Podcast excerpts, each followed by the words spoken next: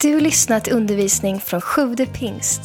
Vi hoppas att Guds ord ska tala in i ditt liv och fördjupa din relation med Jesus. Besök gärna vår hemsida, www.sjuvdepingst.se. Så kul att vara hemma igen alltså. Jag, som Jonathan redan har avslöjat här så har jag och min fru Caroline varit iväg några veckor på en härlig resa i USA och fått njuta lite grann utav lite mer värme kanske än vad ni har fått här hemma. Lite väl mycket värme ibland. Typ toppat på 48 grader och sånt där. Och då känner man att då längtar man hem till de där 14 graderna och midsommar i Sverige faktiskt. Mycket mexikansk mat har det blivit också. Och man kan, var, var ni inte i USA? Jo, men det är det de äter där va?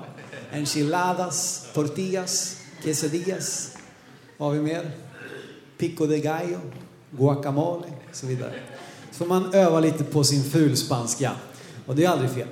Nej, vi har haft det jättebra. Eh, men det är faktiskt så kul att vara hemma här också. Komma hem till kyrkan och få träffa er. Och folk undrar liksom, hur går det med jetlagen då? Det har faktiskt gått jättebra fram till sin natt.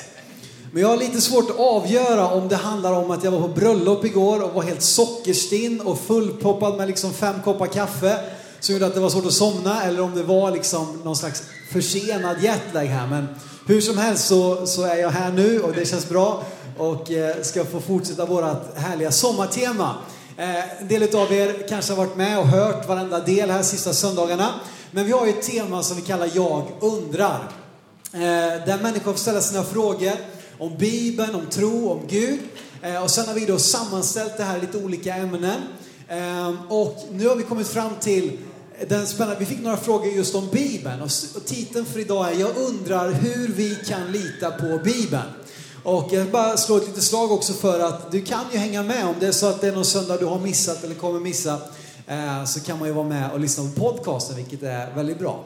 Och vi tar upp lite ämnen som man kanske inte alltid sådär predikar om en vanlig söndag eh, men som ändå är väldigt centrala och viktiga.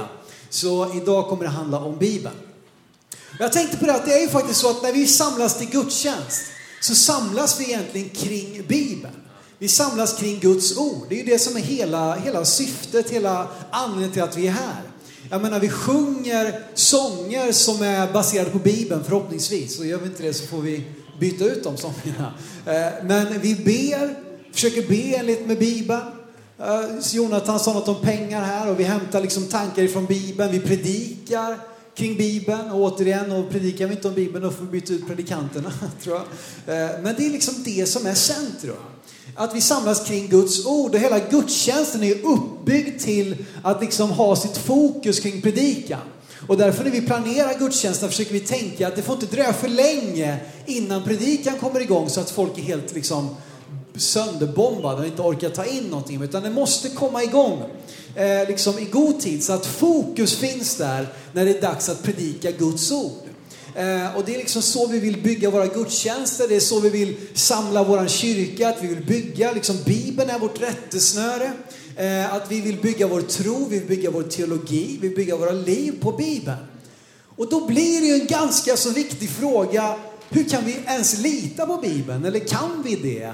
Och om vi kan det, varför då? Eh, och även om man är uppvuxen kanske i en, en skyddad miljö i en kyrka och man har fått höra ända sedan man liksom eh, kröp in på söndagsskolan liksom att man har fått höra att jo men Bibeln är sann och Bibeln är Guds ord och så kommer det ju någon del i livet tror jag där det där är inte kanske alltid lika självklart. Kanske att det händer när man eh, liksom kommer upp lite högre åldrar i skolan eller när man flyttar till en ny stad och helt plötsligt finns inte den här skyddade miljön där alla tycker som jag, alla tror som jag, utan helt plötsligt börjar man ifrågasätta Bibeln. Och börjar säga, men inte det där är väl bara en, en, liksom en samling sagor, det är väl ingen som tror på det där längre. Och så kanske man aldrig har fått redskap eller fått utrustning för att varför tror jag på Bibeln egentligen? Varför litar jag på det som en, som en trovärdig skrift? Och den här spännings, liksom den här drag, vad, vad, dragkampen, heter det så? så heter det, ja. Man drar. Och så kampar, kämpar man. Dragkamp helt enkelt. Eh, den tycker jag eh, ett väldigt bra bibelord fångar upp här. I Johannes kapitel 18 så möter Jesus i en av sina sista timmar innan han blir korsfäst på korset så möter han den mannen som hade makten över att fria eller fälla honom nämligen Pontus Pilatus som var liksom den romerska ståthållaren i den här eh, provinsen, romerska provinsen då vid tiden för Jesu eh, död. Och här nu då så har Jesus ett väldigt spännande samtal med just eh, Pilatus. Och Pilatus ställer en, en fråga här. Vi ska läsa från Johannes 18, 37-38. Pilatus frågade, du är alltså kung? Jesus svarade, du själv säger att jag är kung.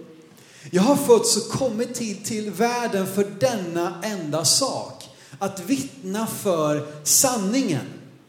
Den som hör till sanningen lyssnar till min röst. Pilatus sa till honom, vad är sanning? Vad är sanning? Visst, Jesus säger, jag är sanningen. Jag har kommit hit för den enda sak, att vittna för sanningen. Och den som lyssnar till sanningen lyssnar till mig. Men Pilatus frågar, men vad är sanning? Är det där en sanning?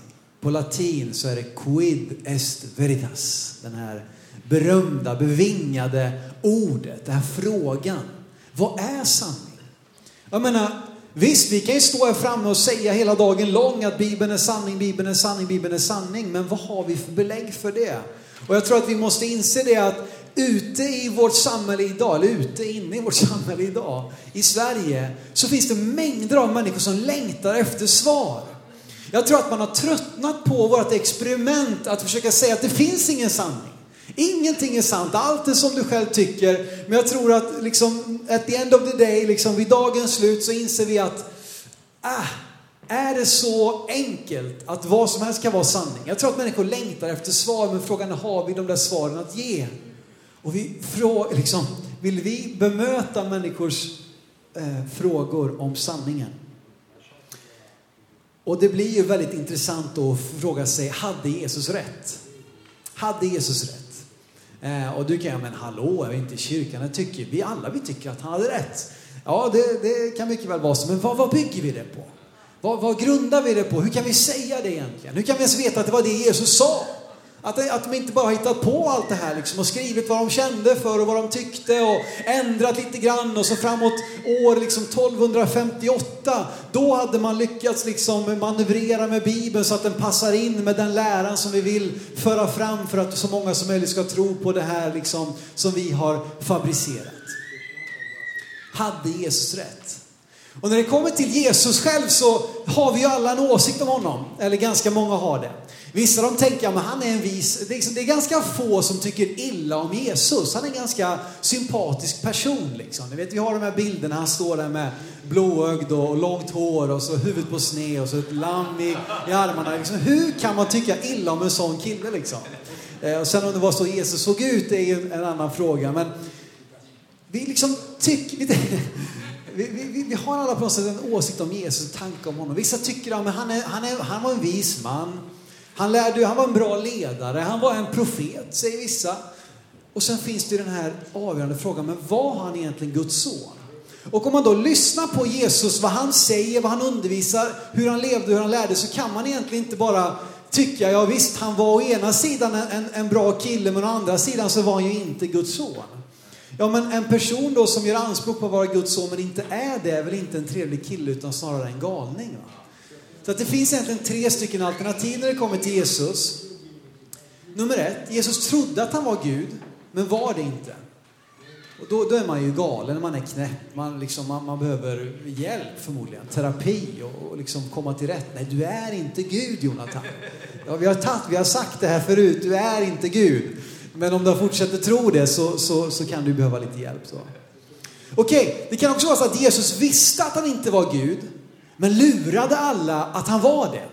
Så det kan ju vara att han var liksom en skärpt, smart, intelligent kille som tänkte att jag ska, jag ska dra till med historiens största liksom bluff. Eh, men i så fall var han ju en bedragare och inte en trevlig ledare. För att en, trevlig, en bra ledare kan ju knappast vara en som bygger hela sitt liv på en stor lögn.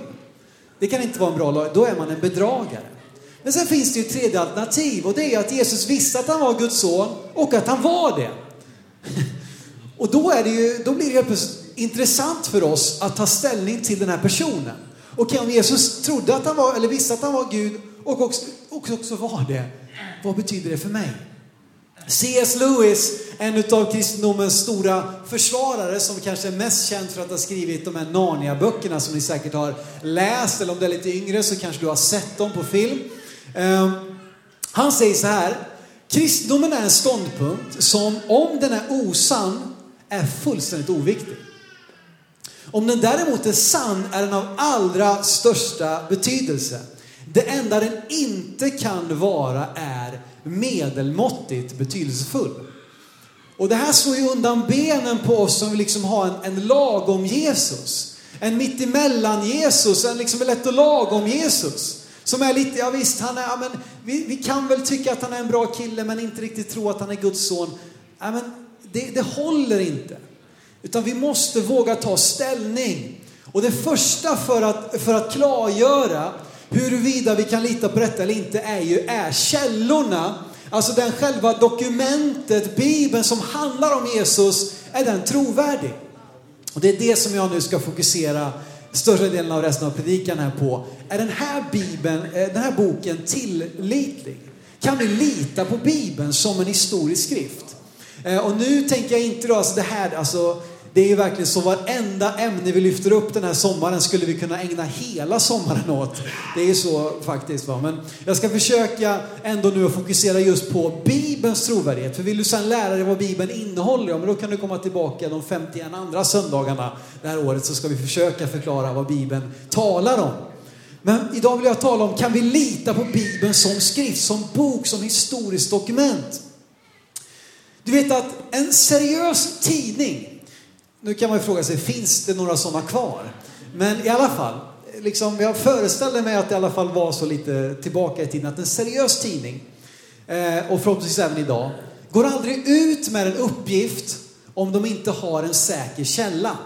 Det kan vara hur smaskiga liksom, rykten som helst. Det kan vara hur man vet att det här kommer sälja stora liksom, första sidor. Det här kommer att sälja mängder av lösnummer. Men om man inte har en säker källa så kommer man inte gå ut med uppgiften. Sen är det så att i dagens samhälle då, med, med liksom bloggare som, som skapar sin plattform bara för att de, de, de kunde internet ungefär. Ehm, så, så har ju det här fallerat och det sprids rykten och, och, i sociala medier så tenderar vi att följa alla de som tycker likadant som oss. Och vi får bara uppgifter, eh, kanske artiklar, tankar som bekräftar det vi redan tycker. Och det är ju lite problematiskt. Eh, men det ska inte handla om nu. Va? Men en seriös tidning som vill gå ut med en, en riktig uppgift måste ha en säker källa. Och så är ju då frågan, kan vi lita på texterna om Jesus? I Bibeln som helhet, i Nya Testamentet i synnerhet och som då landar i till slut att okej, okay, om texterna är trovärdiga, då börjar den här personen som det handlar om börja bli ganska intressant. Jesus Kristus. Så för det första kan vi lita på Bibeln som helhet. Jag skulle bara vilja ge, liksom, innan vi går in på lite mer, sådär, eh, lite mer fakta och lite mer eh, årtal och så vidare. Så kan man bara fundera på, vad är Bibeln för typ av skrift? Ja, men det är en helig skrift som är liksom eh, samlingsboken då för, för alla kristna. Eh, som vi bygger våra tro på. Och då kan man bara titta på, vad är det för typ av text? För det första så är det så att Bibeln är full utav såväl framgångar som misslyckanden. Jag vet inte om du har tänkt på det? Bibeln är inte en enda lång framgångssaga. Tvärtom så börjar det med misslyckande redan i liksom kapitel 3. När Adam och Eva faller och, och gör det som inte Gud hade tänkt. Och sen fortsätter det. Vi kan läsa om en mängd misslyckanden. Abraham, vet du, den här trons fader. Så får vi läsa om att han ljög om att hans egen fru var hans syster. För att han, hon var så snygg så han var rädd för att när han kom till ett nytt land så trodde han att de skulle sno hans, hans fru ifrån honom. Så han sa, det är min syster, eller liksom döda honom för att komma åt hans, hans fru. Så han säger, det är min syster. Och sen kom, som tur var så vakade Gud över det där så att inget dumt hände utan, utan sanningen kom fram. Men jag menar, hade man verkligen, om man vill att liksom fabricera en berättelse, hitta på en berättelse om trons fader Abraham, hade man skrivit då om de här misslyckandena? Förmodligen inte. Det är ju ett kännetecken att de som skriver, eller vad är det man säger, att segrare är de som får skriva historien. Och då är det ofta så då att då tar man bara fram det positiva. Menar, våra egen Gustav Vasa är väl en sån där, det finns ju en och annan legend om honom som man kan börja fundera på, okej okay, var det verkligen så det gick till? Eller var det här så att man har snyggat till lite grann för att få Gustav Vasa att framstå i god dager?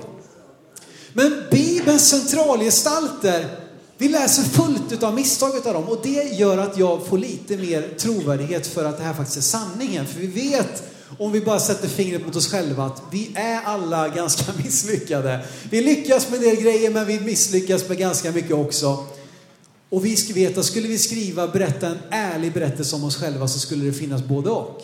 David till exempel, kung David, den främste utav alla kungar, en man efter Guds hjärta. Och så får vi läsa flera kapitel om hur han förför eh, och, och gör en, en, en gift kvinna med barn och sen så befaller att hennes dåvarande man ska dödas för att han ska kunna gifta sig med henne och liksom släta över hela historien.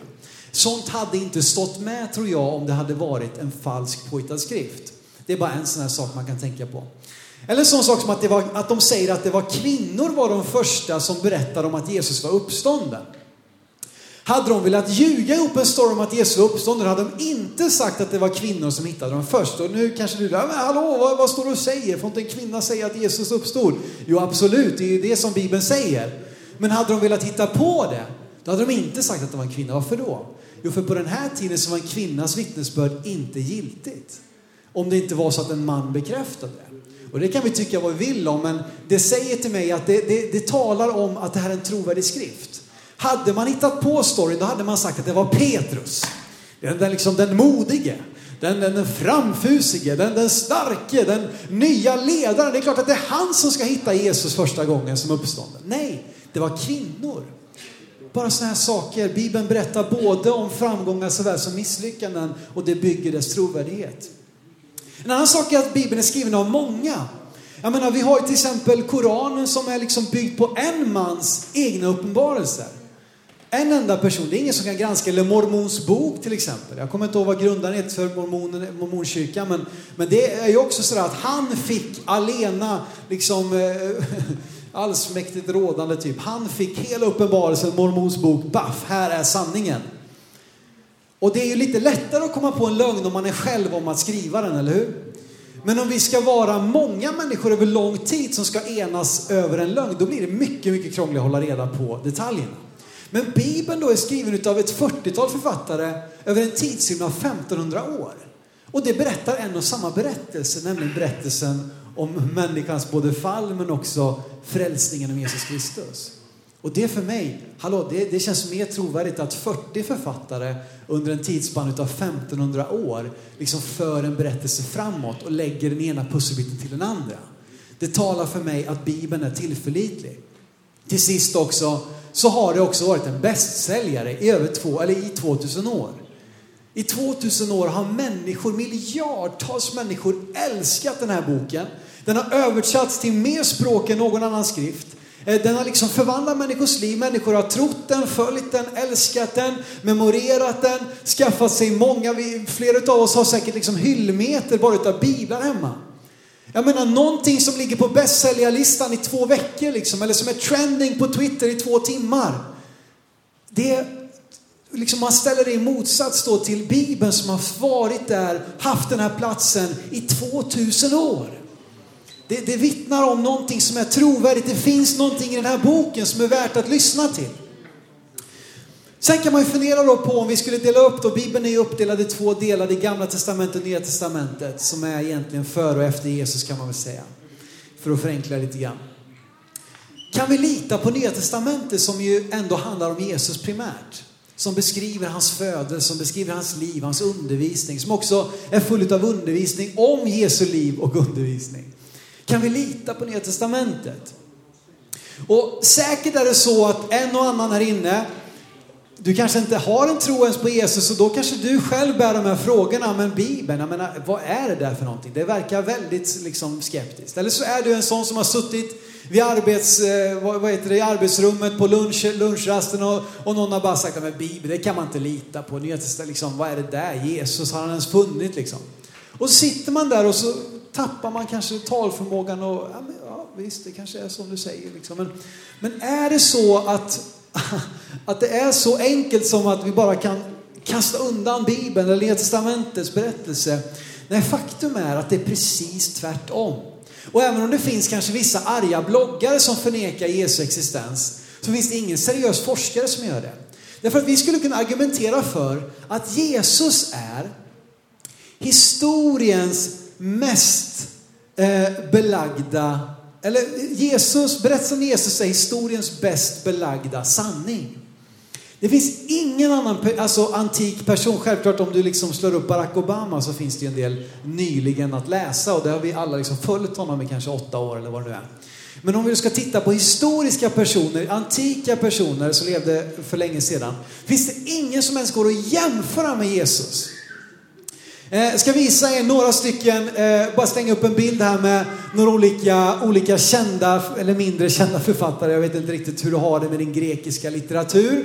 Men om vi tar en sån som Homeros till exempel, som har skrivit Iliaden och Odysseen. Och, och en del utav er liksom bara, eh, vad snackar om nu? Ja, men ja, det, kommer, det kommer något bra på slutet. Om vi bara tittar på honom där, men han levde någonstans 900 före Kristus. Eh, Kopiorna vi har då om hans verk eh, har vi fragment från 600 efter Kristus och hela de här böckerna finns så sent som 1300 efter Kristus.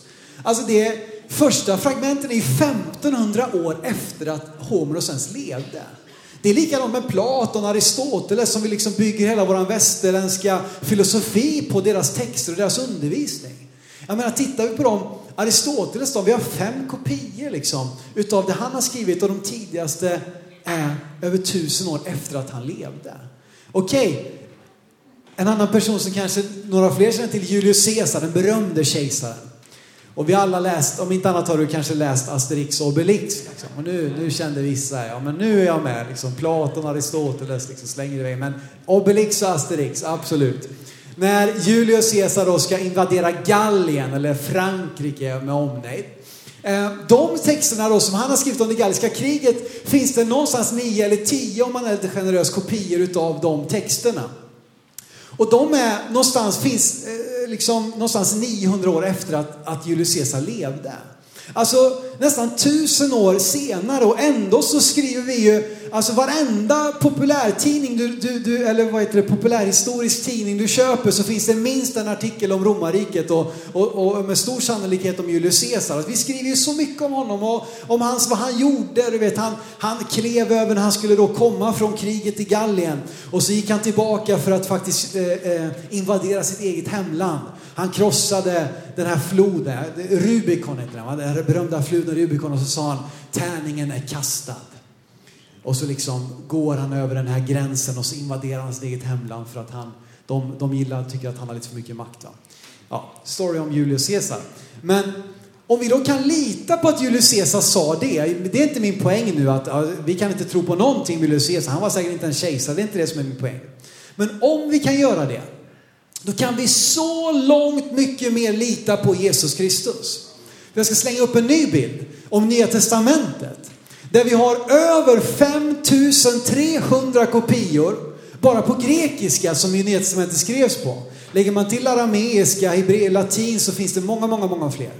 Men bara på grundspråket grekiska så finns det över 5300 kopior. Fragment utav det här är bara årtionden efter att Jesus levde. Jämför det med tusentals år när det kommer till de andra berömda antika personerna.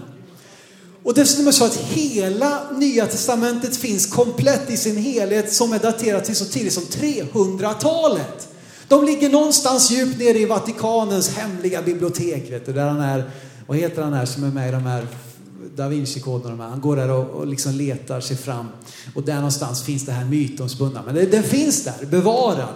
Nya Testamentet i sin helhet från så tidigt som 300-talet. Och bara jämför de här sakerna då historiskt så är det här liksom, det, det, går, det går inte att bli bättre än så här. Alltså. Det är så trovärdigt. Det är för kort tid för mytbildning. Det går inte att bilda en myt om man skriver texterna samtidigt som människor lever som ju faktiskt var med när det hände. Jag menar, skulle någon gå ut med boken nästa år om Barack Obama, den där fantastiska presidenten som skipade fred över hela jorden. Och du vet, han, han såg till liksom att vi kunde bygga kolonier på planeten Mars. Vet du. Han var fantastisk, den här presidenten. Vet du. Han utrotade fattigdomen och han såg till att det blev rent vatten i alla, till alla människor. Men vi vet ju att det är inte sant. Vi var ju med där, liksom, vi, vi kommer ihåg hur det var med Barack Obama som president. Och så är det också när, när böckerna om Jesus skrivs, evangelierna som vi har nedtecknade i Bibeln. När de skrivs ner bara några årtionden efter att Jesus faktiskt dog, så är det många som kommer ihåg. Och hade det varit falskt, då hade de ju direkt gått ut liksom på, på debattsidorna i dagen och börjat skriva att det här stämmer inte, vi var med när det hände. Det är inte alls sant, så där sa inte Jesus. Men de gjorde inte det. Därför att det är en trovärdig källa. Och någon ställer ju också frågan, men varför är det då just de böckerna i Nya Testamentet som vi har där, som är där? Och det är en bra fråga, bara för att ta oss snabbt då från Jesus till Nya Testamentet. Så är sa så att efter Jesu himmelsfärd, så bara årtionden senare, så skriver ju då några av lärjungarna ner eh, berättelsen om Jesus. Och då kan man tycka, men årtionden senare, jag, menar, jag kommer inte ihåg vad, vad liksom min fru sa åt mig i fredags. Liksom. Hur ska de komma ihåg det här? Ja, men då måste vi förstå vilken kultur de levde i. De levde i en, en, i en kultur där hela historien fördes vidare muntligt. De var experter på att memorera och återberätta sina läromästares eh, berättelser och undervisning. Så att de här, eh, många av dem kunde ju hela gamla testamentet utan till. Det var det man kunde, alltså var man en rabbin på den här tiden, då kunde man hela gamla testamentet utan till. De var experter på detta. Så att tro då att de skulle kunna ta den här tekniken också och överföra på Jesu undervisning, men det är väldigt trovärdigt. De skriver ner det, eh, då mellan kanske år 50 efter Kristus och fram till år 150 så skrivs det ner en rad olika texter. Eh, och de börjar då spridas runt om i kyrkor för att kristendomen växer. Det blir ju enormt stort och bara efter några hundra år så har ju hela romarriket blivit kristet.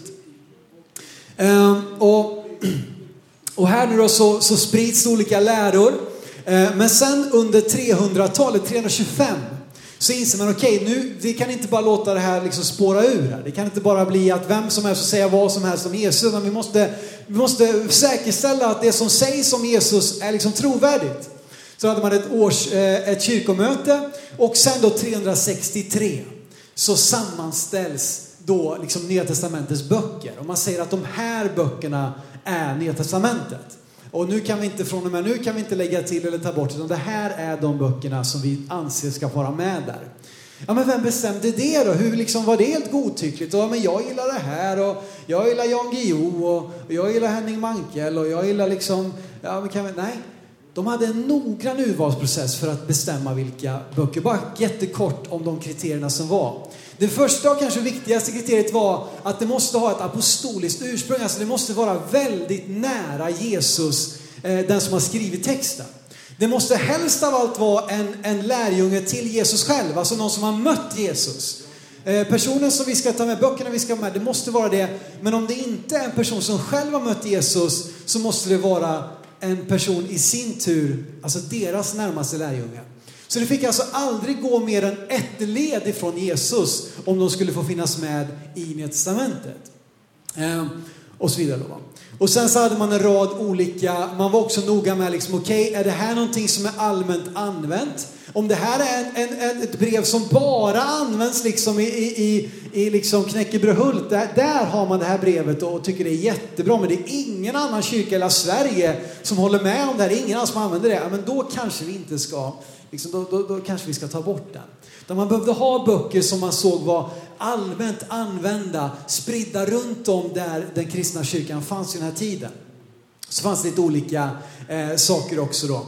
Eh, och så sammanställer man då på ett väldigt eh, trovärdigt sätt de här 27 böckerna som bildar Nya Testamentet. Så att Nya Testamentet har en historiskt liksom oöverträffad trovärdighet.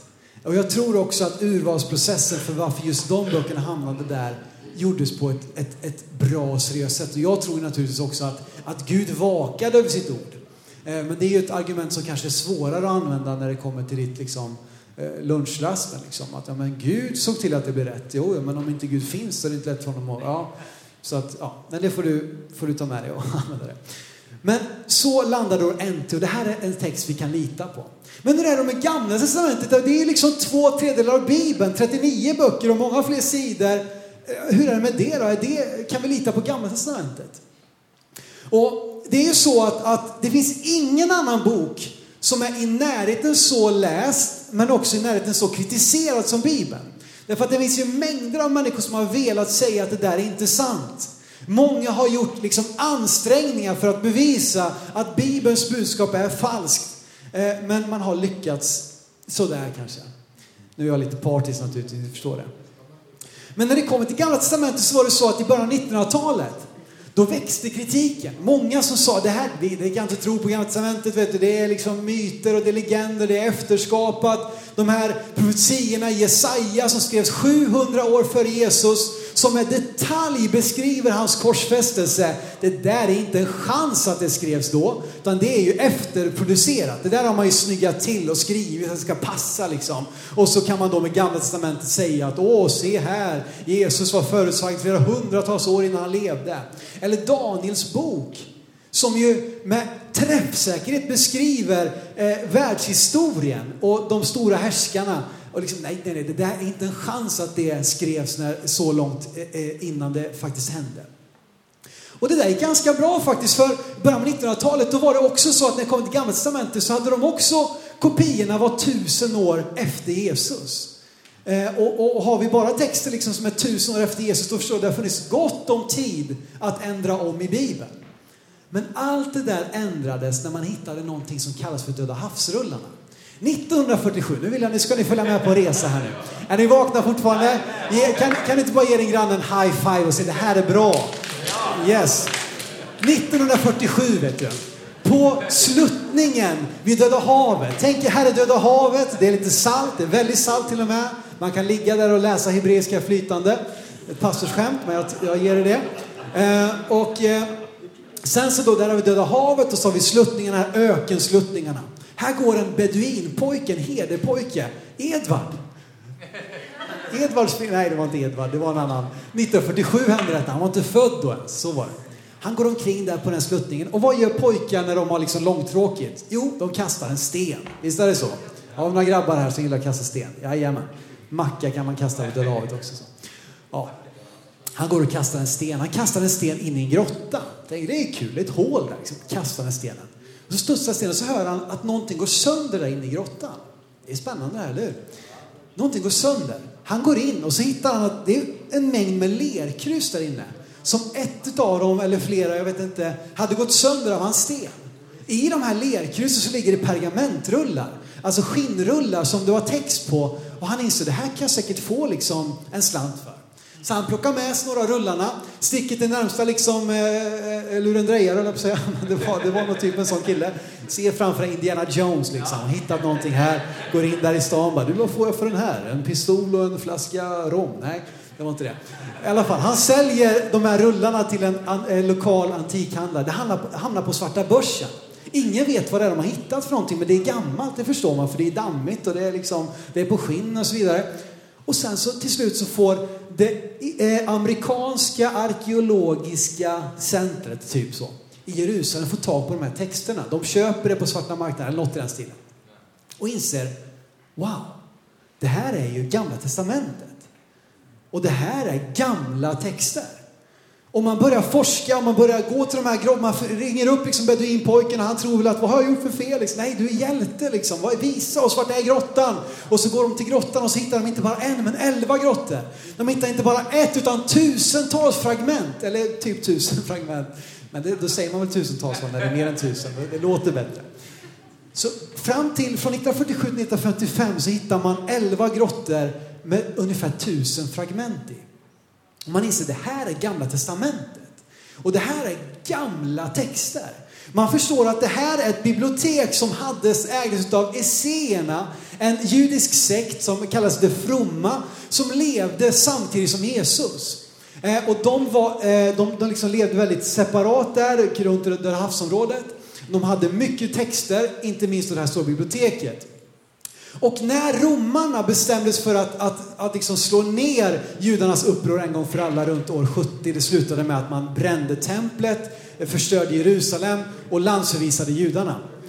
När detta hände några år tidigare, ungefär år 68, då fick esséerna veta detta och de gömde undan sina dyrbara texter i de här grottorna för att inte romarna skulle få tag på dem. Eh, och så gömde man den. Och sen så låg de här texterna, pergamentrullarna, i skymundan i 1900 år tills en herdepojke var ute och vallade får. Det är nästan för bra för att vara sant den här storyn, men det är sant. Du kan gå ut och läsa om det gärna. Och i det här så hittade man då hela Gamla Testamentet förutom Esters bok. Alla andra böcker finns med där.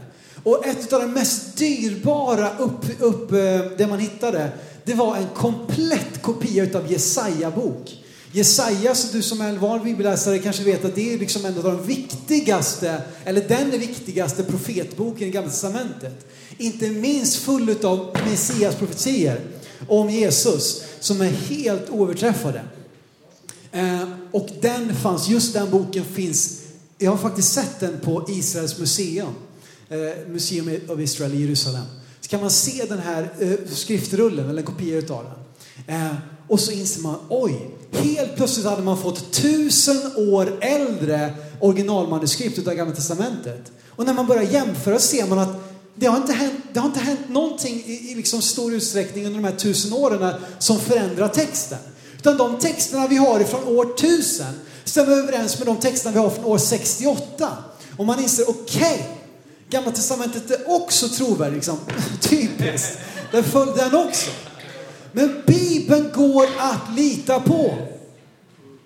Och en annan kul sak är att i de här grottorna har man också hittat fragment från Markus evangelium, från första Timoteusbrevet och lite andra nytestamentliga texter som också visar att de är skrivna väldigt tidigt och inte sent som vissa, efter, liksom vissa bibelforskare menar. Utan det visar att de var skrivna senast år 68. Jag tror inte att de direkt var slängde in de här texterna inne i grottan utan säkert skrevs några år tidigare. Allting visar på att Bibeln är en trovärdig skrift. Vi kan lita på Bibelns ord. Och vad handlar Bibeln om? Vad handlar Bibeln om? Skrifterna, Bibeln vittnar om Jesus. Bibeln vittnar om Jesus.